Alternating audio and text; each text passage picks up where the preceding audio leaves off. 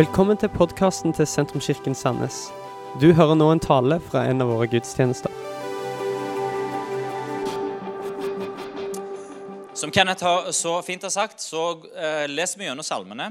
Eh, og eh, hvis du ikke har fått med deg bibelleseplanen, så ligger den på eh, stolen din. Den, har du ennå ikke begynt å være med å lese gjennom salmene, så kan du fortsatt hive deg på. Da vil jeg anbefale deg ikke å prøve å ta igjen det tapte, men eh, å begynne der som, eh, som bibelleseplanen er nå. Eh, og Det interessante med salmene er, som Kenneth også sa, at det går gjennom hele vårt følelsesregister. og Det er noe av tanken med at vi leser gjennom salmene sammen. Jeg tror det er et sted i Bibelen en trenger å besøke med jevne mellomrom. Fordi salmene er et gjensvar på våre følelser. Eh, og som mennesker så besøker vi mange ulike typer typer av følelser. Vi kjenner på glede, vi kjenner på frykt, eh, frykt og angst. Vi kan kjenne på at vi er lei oss, vi kan være sint. Eh, og eh, salmene har et sånn et gjensvar på alle disse følelsene. Og i dag skal vi løfte fram denne følelsen sinne. Nå er ikke jeg den beste til å snakke om akkurat det, for jeg eh, tror at jeg kan si med sånn eh, integriteten i behold at eh, jeg er ikke en sånn jevnt over en sånn veldig sint person. Men som mennesker så besøker vi alle disse følelsene og denne. Denne høsten her begynte jeg med å ikke være helt på topp. Det var sånn flere små og store ting som til sammen gjorde at eh, jeg, eh, Vi fikk jo på denne Kahooten 'Hvor liker en mann seg best?' i kjelleren. Eh, og sånn opplevdes eh, starten min på høsten. Jeg var ikke helt meg sjøl. Eh, og en kan ha mange strategier for eh, hva en gjør når en ikke føler seg helt på topp, når en er litt i kjelleren. Jason snakket sist søndag om tilbedelse. Og at tilbedelse har i seg dette her at når vi setter fokus Og bønn òg har det i seg. At når vi setter fokus på Gud, så er det et eller annet som skjer i hovene våre. Som flytter fokuset vekk ifra oss sjøl, over på Gud, over på det som er større enn oss sjøl. Og det hjelper oss faktisk når en er lei seg, når en er nedfor, så hjelper det oss å be og tilbe. Eh, og det kan få oss ut av den. Om det ikke får oss ut av den følelsen, så kan det iallfall hjelpe oss i den følelsen. Noe skjer med kjærligheten vår når vi tilber Gud. Kjærligheten vår blir heil. Eh, og så har vi satt fokus på takknemlighet denne høsten. Eh, og Det er òg en sånn strategi når ting ser litt mørkt ut. Det er å, å benytte seg av Eh, av, eh, av eh, hjertets hukommelse, takknemlighet. Se tilbake på livet sitt. Sette fokus på alle de tingene en er takknemlig for. Noen har det som en sånn vane at en har gjerne en notatbok eller noe der en skriver ned eh, ting som en er takknemlig for. Eh, når det er ganske mørkt rundt den, så er det utrolig hva Hvis en da bare først begynner å gå i gang, og ikke liksom, det må være liksom, der oppe på på sånn revolusjonerende ting for at en skal være takknemlig. Men eh, drikke kaffe om morgenen, ja, det er jo takknemlig for. Fyr på peisen eh, hjemme, ja, det er jo en takknemlighetsting. Fine farger ute om høsten. altså Det er mange ting som kan gjøre oss takknemlige. Og det, er, eh, og det kan hjelpe oss å ha denne dialekten av takknemlighet når ting er vanskelig og en ser mørkt på noe. Eh, det er en strategi i en vanskelig situasjon. En, eh, en veldig fin strategi det er å se Braveheart. Eh, men så er det kanskje den enkleste. Det er å bli sint. Det var det som jeg oppdaget i høst. At jeg begynte å bli irritert på de rundt meg. Eh, og jeg ble irritert og sint på meg sjøl. Det òg har jo en sånn at en, en, en, kan dirigere sitt sinne mot seg sjøl. Eh, men, men, det er jo én ting å sitte og piske litt seg sjøl være sint på seg sjøl. Men, men det er ikke så bra når det går utover de som er i umiddelbar nærhet. Jeg merket at jeg ble fortere irritert og sint på kona. Eh, det var en dag som eh, jeg ble sint på min kone Vesna for en liten bagatell. Det var en, ja, ja, det var, det var en ting, da. Eh, men det, det, var, det, var, en bagatell. Det var ikke en viktig ting. Og det trigga, og jeg ble sint. Men det som var veldig trist, det var at, det var at uh, yngstejenta hadde glemt av at hun skulle på Kulturakademiet den dagen. Og uh, det uh, gikk opp for meg, og da ble jeg sint på henne. For en bagatell! Og måtte kjøre henne ned for at hun skulle komme i tide. Det skal hun vanligvis fikse sjøl. Uh, og så tenkte jeg på det, eh, på det etterpå. Dette er ikke bra. Ble sinte på småting. Jeg måtte gå til, til Lydia, min yngste jente, og jeg måtte be pent om tilgivelse. Eh, kan du tilgi meg sånn som jeg oppførte meg nå? Det er, det er ikke rett. Det var, Jeg overreagerte. Jeg skal ikke bli sinte på sånne småting som, som dette. Eh, for det er dårlig gjort å bli sint på de rundt seg for noe som foregår på innsida. Hvordan er det med deg? Hva gjør du når du blir sint? Hva gjør du når livet går imot deg, når du opplever urettferdighet, når du blir behandla dårlig, eh, eller ikke får gjennomslag for de tingene som er viktige for deg, når følelsene dine blir tatt av ei bølge, eh, og det fører med seg sinne? Hva gjør du da? Tar du det ut på den eller de eller det som forårsaker sinne? Eh, setter du i gang med energikrevende arbeid, springer du halvmaraton. Det, det, er en god strategi eh, for øvrig. Eh, å begynne å trene eller begynne å et eller annet som krever energi. Få en, for en, for en bokse eh, sånn eh, Hogge ved er veldig bra. Eh, når en har litt sånn opparbeida greier inni seg. En får tatt det ut i Norge som bruker energi. Tar du det ut på deg sjøl blir du sint på deg sjøl? Går du inn i deg sjøl? Kanskje ser du Braveheart? Jeg vet ikke. Eller tar du det ut på de rundt deg? For utfordringen når en er litt sint, og en er litt nære, er at uh, uansett hvor mange ganger en har hørt hvor bra det er å tilbe Gud, når, uh, så er det, det er ganske vanskelig uh, når du er nære. ja, nå skal jeg fokusere på Gud, løfte Å, tilbe. Nei, Det føles for å tilbe i det hele tatt. Ikke lyst. Jeg har ikke lyst til å be. Uh, og um, alle de tingene, og Det er ikke så lett å være takknemlig heller. For alle disse strategiene høres veldig bra ut. Men når du faktisk skal uh, gå i gang, så, så, er det, det er langt til bønnekammeret når du er sint. Og det er ikke fristende å synge lovsanger. Du går, vi så det på Kahooten òg. Du går heller i kjelleren enn å synge lovsanger. Og en har iallfall ikke lyst til å takke. Bibelen oppfordrer oss til å bli sint, men ikke å synde. Sinne er ikke en syndig følelse. Å være sint er ikke synd. En har ikke feil eller er ikke feil bare fordi en er sint. Å være sint er en del av å være menneske. Jesus, sann Gud, sant menneske, kjente på hele menneskers følelsesregister og å være sint. Du, du, du kan søke, altså Hvis du ikke tror meg, så kan du søke på bibel.no. Når du kommer hjem, så kan du søke 'Jesus sint', og så finner du, eh, du finner flere bibelsteder der Jesus var sint.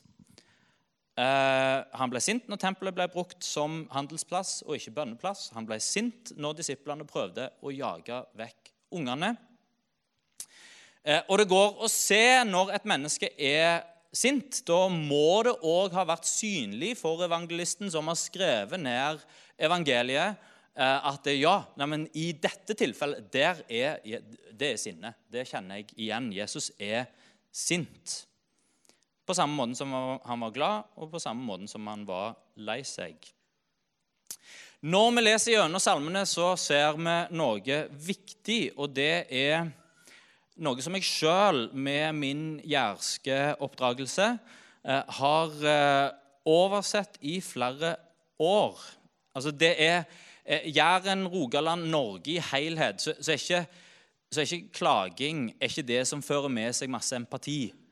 Det er, Hvis en går gjennom noe vanskelig og en klager ja, nei, men uh, Suck it up. Uh, kom igjen. Uh, bli ferdig med det, og eh, fiks det. det å ikke klage, ikke sykt, vær takknemlig, se det positive. og jeg bestemte meg når jeg var yngre, var yngre, så sa jeg til mitt melankolske selv at jeg skulle være positiv. jeg bestemte meg for å bytte ut melankolsk musikk med sånn gledesmusikk for å få opp eh, stemningen på innsida. Når jeg begynte som forkynner, så sa jeg til meg sjøl at forkynnelsen skal gi håp, og den skal skape tro. Jeg vil fokusere på det som bygger opp, ikke på det som trykker oss ned. Jeg vil ikke fokusere på det vanskelige, og vil ikke fokusere på at livet er hardt, utfordrende og vanskelig. Um, men så er det òg viktig at tros- og håpsforkynnelse er i realisme. Det må være litt grått og litt mørkt for gjenkjennelse. Eh, for eh, alt som skjer i et menneskeliv, er ikke bare tro eh, og håp. Men denne min sånn grunnholdning det har vært til stor frustrasjon for min kone, som ikke er fra Norge, og som, og som ikke har noe problem med å klage. Jeg har alltid tenkt at jeg har Bibelen på min side at det gjelder å løfte fram det positive. Det gjelder å løfte fram hele tiden. Vær takknemlige. Se på det. Always look on the bright side of life. Eh, så har jeg da ganske enkelt hoppa mentalt bukk over at det er ei hel bok i Bibelen som faktisk heter Klagesangene. Og kong David er ikke enig med meg. Han er enig med min kone. Eh, minst en tredjedel av hans salmer, kanskje så mange som en tredjedel av alle salmene i Salmenes bok, er klagesalmer. Til og med Davids, Davids gladsalmer så klarer han ikke å holde seg. Der er i Davids gladsalmer Bare les. Gladsalmene har allikevel ispedd litt det der, en sånn, noen sånn undertone her og der av litt, litt klaging. Og noen av Davids klagesalmer har en underliggende tone av sinne òg i seg. Nå skal vi lese fra Salme 22, vers 1-6. Og Det er til korlederen her etter morgenrødens hinn. Og Det er en salme av eh, følelsesklumpen David.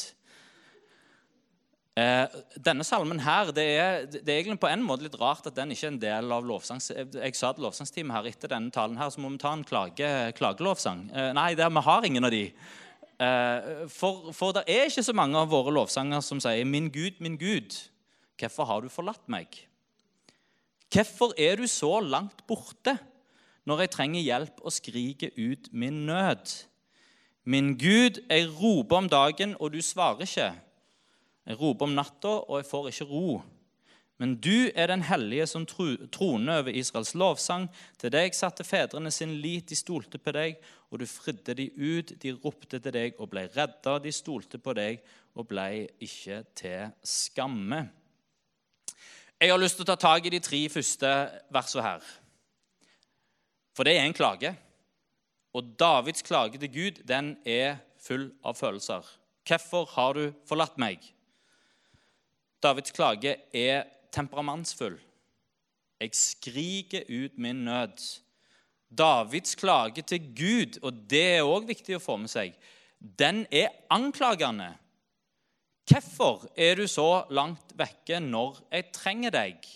Det er litt sånn Det er en, det er en, eh, en, en, en målgivende pasning til en krangel, egentlig, der David anklager Gud. Jesus siterer denne salmen på korset sier, når, og, og, sier, 'Rope ut, 'Min Gud, min Gud, hvorfor har du forlatt meg?' Og Jesus kaller sine disipler, sier til dem, 'Gå ut i all verden Gjør alle folkeslag til disipler, og så lover han de dyrt og hellig. Se, jeg er med dere alle dager inntil verdens ende. Og så leser vi gjennom apostelgjerningene, og så ser vi kapittel det, kapittel det. Der ser det ut som at Jesus er med. Så har vi oi, videre et nytt kapittel. Og så skjer det ting som en lurer på. Hvor i alle dager En må jo føle som Jesus er langt vekke. Hvor er løftet ditt om at du skulle være med alle dager inntil verdens ende? Når en sitter der urettferdig i fengsel, når alle er imot en. Hvis du leser Paulus' i lista over, over, alt det som han har gjennomgått av urettferdighet og av lidelser Nå skal det riktignok sies at Jesus sa til Paulus ikke se jeg er med deg alle dager inntil verdens ende, men sa se hvor mye du må lide for mitt navns skyld. Eh, så, så, Sånn sett så lå det i dealen allerede. Men dette er, må ha vært ifra begynnelsen. Ok, Jesus, du har lovt å være med oss. Men hvorfor er du så langt vekke, min Gud, min Gud? Hvorfor har du forlatt meg? Når vi sier ja til det som vi opplever Gud har kalt oss til, og senere befinner oss i en situasjon som oppleves urettferdig, en situasjon som er vanskelig, og Gud virker til å være langt eh, vekke. Gud virker til å ikke bry seg. Og dette hvorfor-spørsmålet kommer opp. Det er egentlig en klage av idealismen, det jeg så for meg, det jeg drømte om, det jeg har lyst til å gjøre for Gud, det Gud har kalt meg til. Når den møter realismen Ting ble ikke 100% sånn som jeg så for meg. Det som jeg drømte om, det ser ut til å være langt vekke. Hvorfor har du forlatt meg, Gud? Eh, når denne høsten her, eh, begynnelsen av høsten opplevdes litt tunge for min del, så har det sevet ut litt sånn klage her og der. Ikke sånn veldig mye. Litt til kona, eh, litt til andre pastorkollegaer, litt til staben. Og Så snakket jeg med en god venn, og så sa han dette. Spurte har du klagt til Gud. Så, Nei, det har jeg ikke gjort. Jeg hadde ikke tenkt på det engang. Har du vært sint på Gud? Nei, iallfall ikke det. Det kan umulig være riktig. Eh, og så sa han ja, men det skal vi være. Det må du gjøre. Be en klagesalme. Ta din emoji til Gud. Og Jeg bestemte meg for å ta ham på ordet og gjøre det, så jeg pakte eh, Og dette, dette planla jeg. Eh, for jeg tenkte kanskje bare gå ned i kjelleren og gjøre dette. Dette er, her er det, dette, dette er nytt. Eh, så jeg pakte kaffekjelen min og gikk en tur opp på et fjell og satte meg med foten av det fjellet og tente bål. Det tok meg god tid, for det føltes så rart å skulle gjøre dette. Eh, og jeg visste at nå, nå, skal jeg klage til Gud. Eh, og kokte min kaffe og satt og drakk den eh, og så på bålet. Eh, og så gjorde jeg det. Så klagde jeg og ramsa opp det som jeg syntes var urettferdig, og det og sa hvorfor.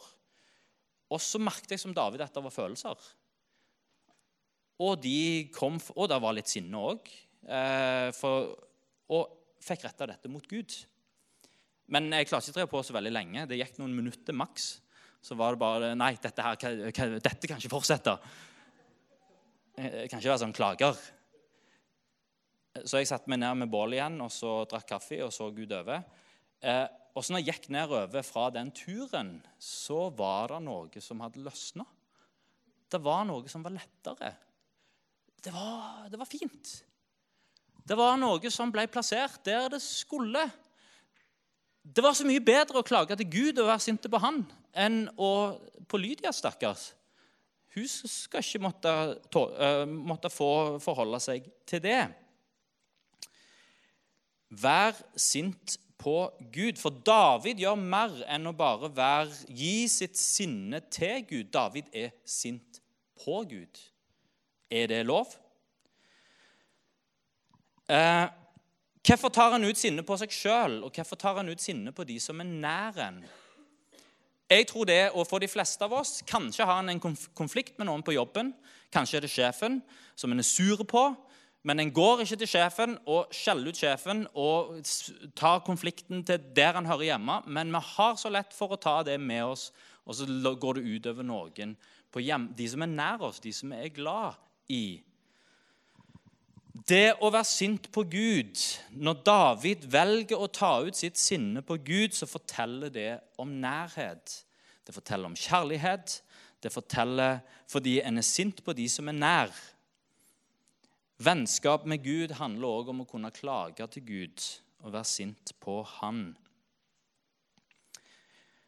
Jeg vil si at dette er en god idé. Det er en bedre strategi enn å se Braveheart. Og det er en bedre strategi enn å klage på de som er nær deg. Og det er en bedre strategi enn å gå rundt og være sure og sinte på seg sjøl. For Gud tåler din klage Gud mister ikke sin allmektighet av at det er noen som er litt sint på han. Gud tåler din klage mye bedre enn de som er rundt deg. David han klager og er sinte fordi han er misunnelig i Salme 72. Hvorfor går det de ugudelige så vel? Og hvorfor går det så gale med meg? Det er forresten ikke David som er sinte og sure, det er Asaf. Så det er både David og Asaf som skriver i Salmenes bok. Begge to eh, klager til Gud og er, på, eh, og er sint på Gud. Forgjeves har jeg holdt dine bud. David han klager er sint og klager fordi det er fiender overalt. Oversatt til 2019 så handler det om problemer på alle kanter. Lær av salmene. Når livet er urettferdig, klag til Gud.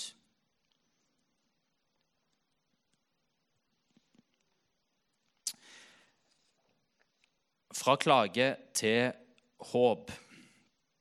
Salme 22, vers 20-25. Men du, Herre, vær ikke langt vekke. Min styrke, skynd deg og hjelp meg. Redd mitt liv ifra sverdet. Den eneste jeg har fra hunders vold. Fri meg fra løvens skap. Du har redda meg fra villoksers horn. Jeg vil fortelle mine brødre om ditt navn. Midt i forsamlingen vil jeg lovprise deg. Dere som frykter Herren, lov Han. Hele Jakobs ett, gi Han ære. Ha ærefrykt for Han, hele Israels ett. For han har ikke forakta den som er hjelpeløs, og ikke vendt ryggen til den som lider. Han skjulte ikke sitt ansikt, men han, hør, men han hørte da han ropte om hjelp. Eh, og Nå er jo dette et godt stykke ut i den samme salmen, men en ser hvordan det som begynner som en klage, det fortsetter mot håp. Eh, og vi kan gå fra klage til håp, og klagens mål må jo være håp. Hvorfor klagen? Det må jo være fordi en har et idealbilde av hvordan livet skal være. En tenker at sånn som dette, sånn skal det se ut. Sånn som dette er livet når det er godt. Og så er ikke livet sånn som en ser for seg? Og hva er responsen på det? Når, da klager en. Hvorfor? Fordi en hadde håp om at det skulle være annerledes. Det er egentlig, En, en klager jo på et produkt når eh, produktet er eh, når en er misfornøyd med produktet, når det ikke klarer å levere det som eh, det lovte. Da er det jo med, Når en klager, så er det jo med håp om å få pengene igjen. Eh, eller et nytt produkt. Eh, og noen som er veldig flinke på klaging, eh, de får nye ting hele tida. For en finner ting å klage på med det som en kjøper, og en kjenner lovverket. Så en klage den kan òg lede til håp. For flere år siden så begynte vi vår sommerferie med å fly. Til, vi skulle fly til Makedonia. Vi skulle ha to uker eller hva det var for noe der nede. To og en halv uke eller noe sånt. Eh, og Så ble det forsinkelser på flyet, eh, og så ble det mer forsinkelser. Og så fikk vi eh, mulighet til å hive, oss, hive oss på et fly som skulle innom Beograd. Og da skulle vi kanskje kunne klare å komme oss til til Skopje før dagen var ferdig. og Så ble det forsinkelser der òg. Så endte vi opp i Beograd, og så ble vi plassert på et Vi ble ikke plassert engang. Vi kom ut midt på natta, klokka ett om natta fra flyplassen og skulle bli henta av en maxitaxi som skulle ta oss til hotellet. Og Der spurte de etter at vi skulle betale for oss med euro eller med serbiske dinarer. Vi hadde verken euro eller dinarer. Så klokka ett om natta med to små unger, så ble vi stående mens da flyplassen closa ned, og det ble, alle lysene gikk av, og det var ikke noen som en kunne gå og klage til. Så sto vi igjen der. Eh, ha det bra. Uh, og det var, ikke, det, var ikke, det var ikke, sånn uh, cashmaskin heller, så vi kunne ikke ta ut penger. Uh, så når vi til slutt kom oss på et håpløst hotell, Eh, og med dagen etter fikk høre at eh, nei, det går ikke, eh, der, der går ikke fly til Skopje i dag, så det går seint i kveld. Og det var 35 varmegrader ute. og det flyet som skulle gå på kvelden, ikke gikk på kvelden og ble utsatt til midt på natta. og det var ikke aircondition i hotellet. Og det var, eh, var vindu ut mot sola, så det, det må ha vært 45-50 varmegrader i det rommet som eh, vi skulle prøve å få våre jenter til å vi, eh, altså De lå og sov der, og vi måtte helle i dem vann mens de sov. Vi så bare hvordan, vannet rant. altså De svetta svetta, eh, svetta hud, alt som fantes av vann. Inn. Det det var ikke noe gøy. Eh, vi prøvde vårt beste til å si til dem hvor kjekt det var å være i Beograd, og var og spiste på McDonald's og kjøpte en kjole til hver av de, Og jeg tror de husker ennå at det var gøy å, å, være i Beograd. Det var overfor barna, men øh, ellers så kokte det på innsida. Eh, jeg var så sint på det flyselskapet som, som, som, og på alle andre. Og jeg skrev en lang, sint klage etterpå. Vet du hva? Bare å levere klagen var sånn ferdig. Åh. Men så fikk jeg høre på øret at eh, da ble klagen til håp. For det var noen som kjenner lovverket, som sa du, hvis du gjør sånn og sånn og sånn, og sånn, og sånn da må de eh, og, og eh, si den loven, den loven, den loven. Da må de betale tilbake hele turen din. Da eh, ble, da ble klagen til dans. Uh, og vi fikk innvilga hele Det, det, det ble, det, ble den beste ferieturen så langt. Vi fikk gratis, uh, gratis fly, uh, flyreiser fram og tilbake. Det fikk heller være at to, to dager ble ødelagt. Min klage ble til håp. Davids klage til Gud endrer seg til håp. Klagen min med foten av fjellet gikk over til takk, fokus på Guds løfte, og til håp. Hvis du er i et mørke, kanskje du bare orker å klage. Det er helt greit. Klag til Gud. Stopp gjerne der om du ikke klarer å komme lenger. For det er ei tid for å klage, og kanskje ikke gjøre så mye mer. Men hvis en fortsetter, så skjer dette som skjer i Salme 22, at klagen går over til å bli håp. Vi kan bevege oss fra klage til håp. I Salme 22, 30-31, helt i slutten av salmen, Salme 22, så står dette at alle mektige på jord skal tilbe Han. Alle som stiger ned i støvet, skal bøye kne for Hans ansikt. Men jeg lever for Han. Min ett skal tjene Han. De skal fortelle om Herren til kommende slekter og kunngjøre for et folk som skal fødes, at Han har vist rettferdighet. Og det er noe som skjer når klagen blir til håp. For det er håp for det gode liv, og jeg har lyst til å slå fast dette her, at selv om en går gjennom tider av urettferdighet, ting som kan se mørkt ut Og som David så er det kanskje ganger der en kan skylde det på Gud. Gud, det var du som, du som sa jeg skulle gjøre dette. her. Og så skjer dette. Det var du som kalte meg til å, å leve dette livet. Og så skjer disse ting, og det er urettferdig. Men det gode livet er hos Gud, og det gode livet viser seg ikke ifra i dag til i morgen. Det gode livet det viser seg over år, og det viser seg ikke alltid over år engang, men over generasjoner.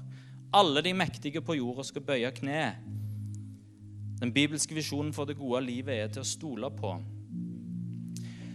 Og Den siste uka har jeg lest ei utrolig interessant eh, utrolig interessant bok av en som heter Tom Holland, en britisk historiker som har studert antikken og eh, framveksten av kristen tro i Europa.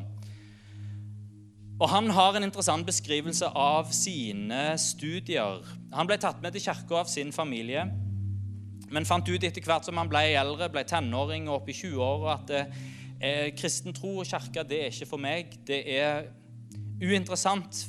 Faktisk så beskriver han en form for forakt for kristen tro, og for kristendommen. Ville ikke ha noe med det å gjøre. Men så begynte han å studere historie og fikk stor fascinasjon for antikken. Studerte de greske rikene, studerte persiske riket og det romerske riket. Og, eh, og gravde dypere og dypere inn i disse her fantastiske, spennende sivilisasjonene ble fascinert av, av krigene, av imperiebygginga eh, deres og av deres verden.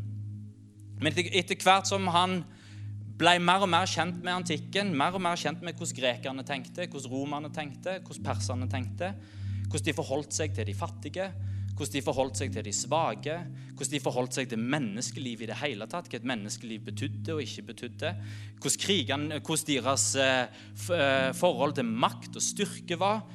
Jo mer han leste om hva de egentlig sto for, jo mer følte han sjøl at denne verden her er ukjent for meg. Jeg er en fremmed i denne sivilisasjonen og i denne måten å tenke på.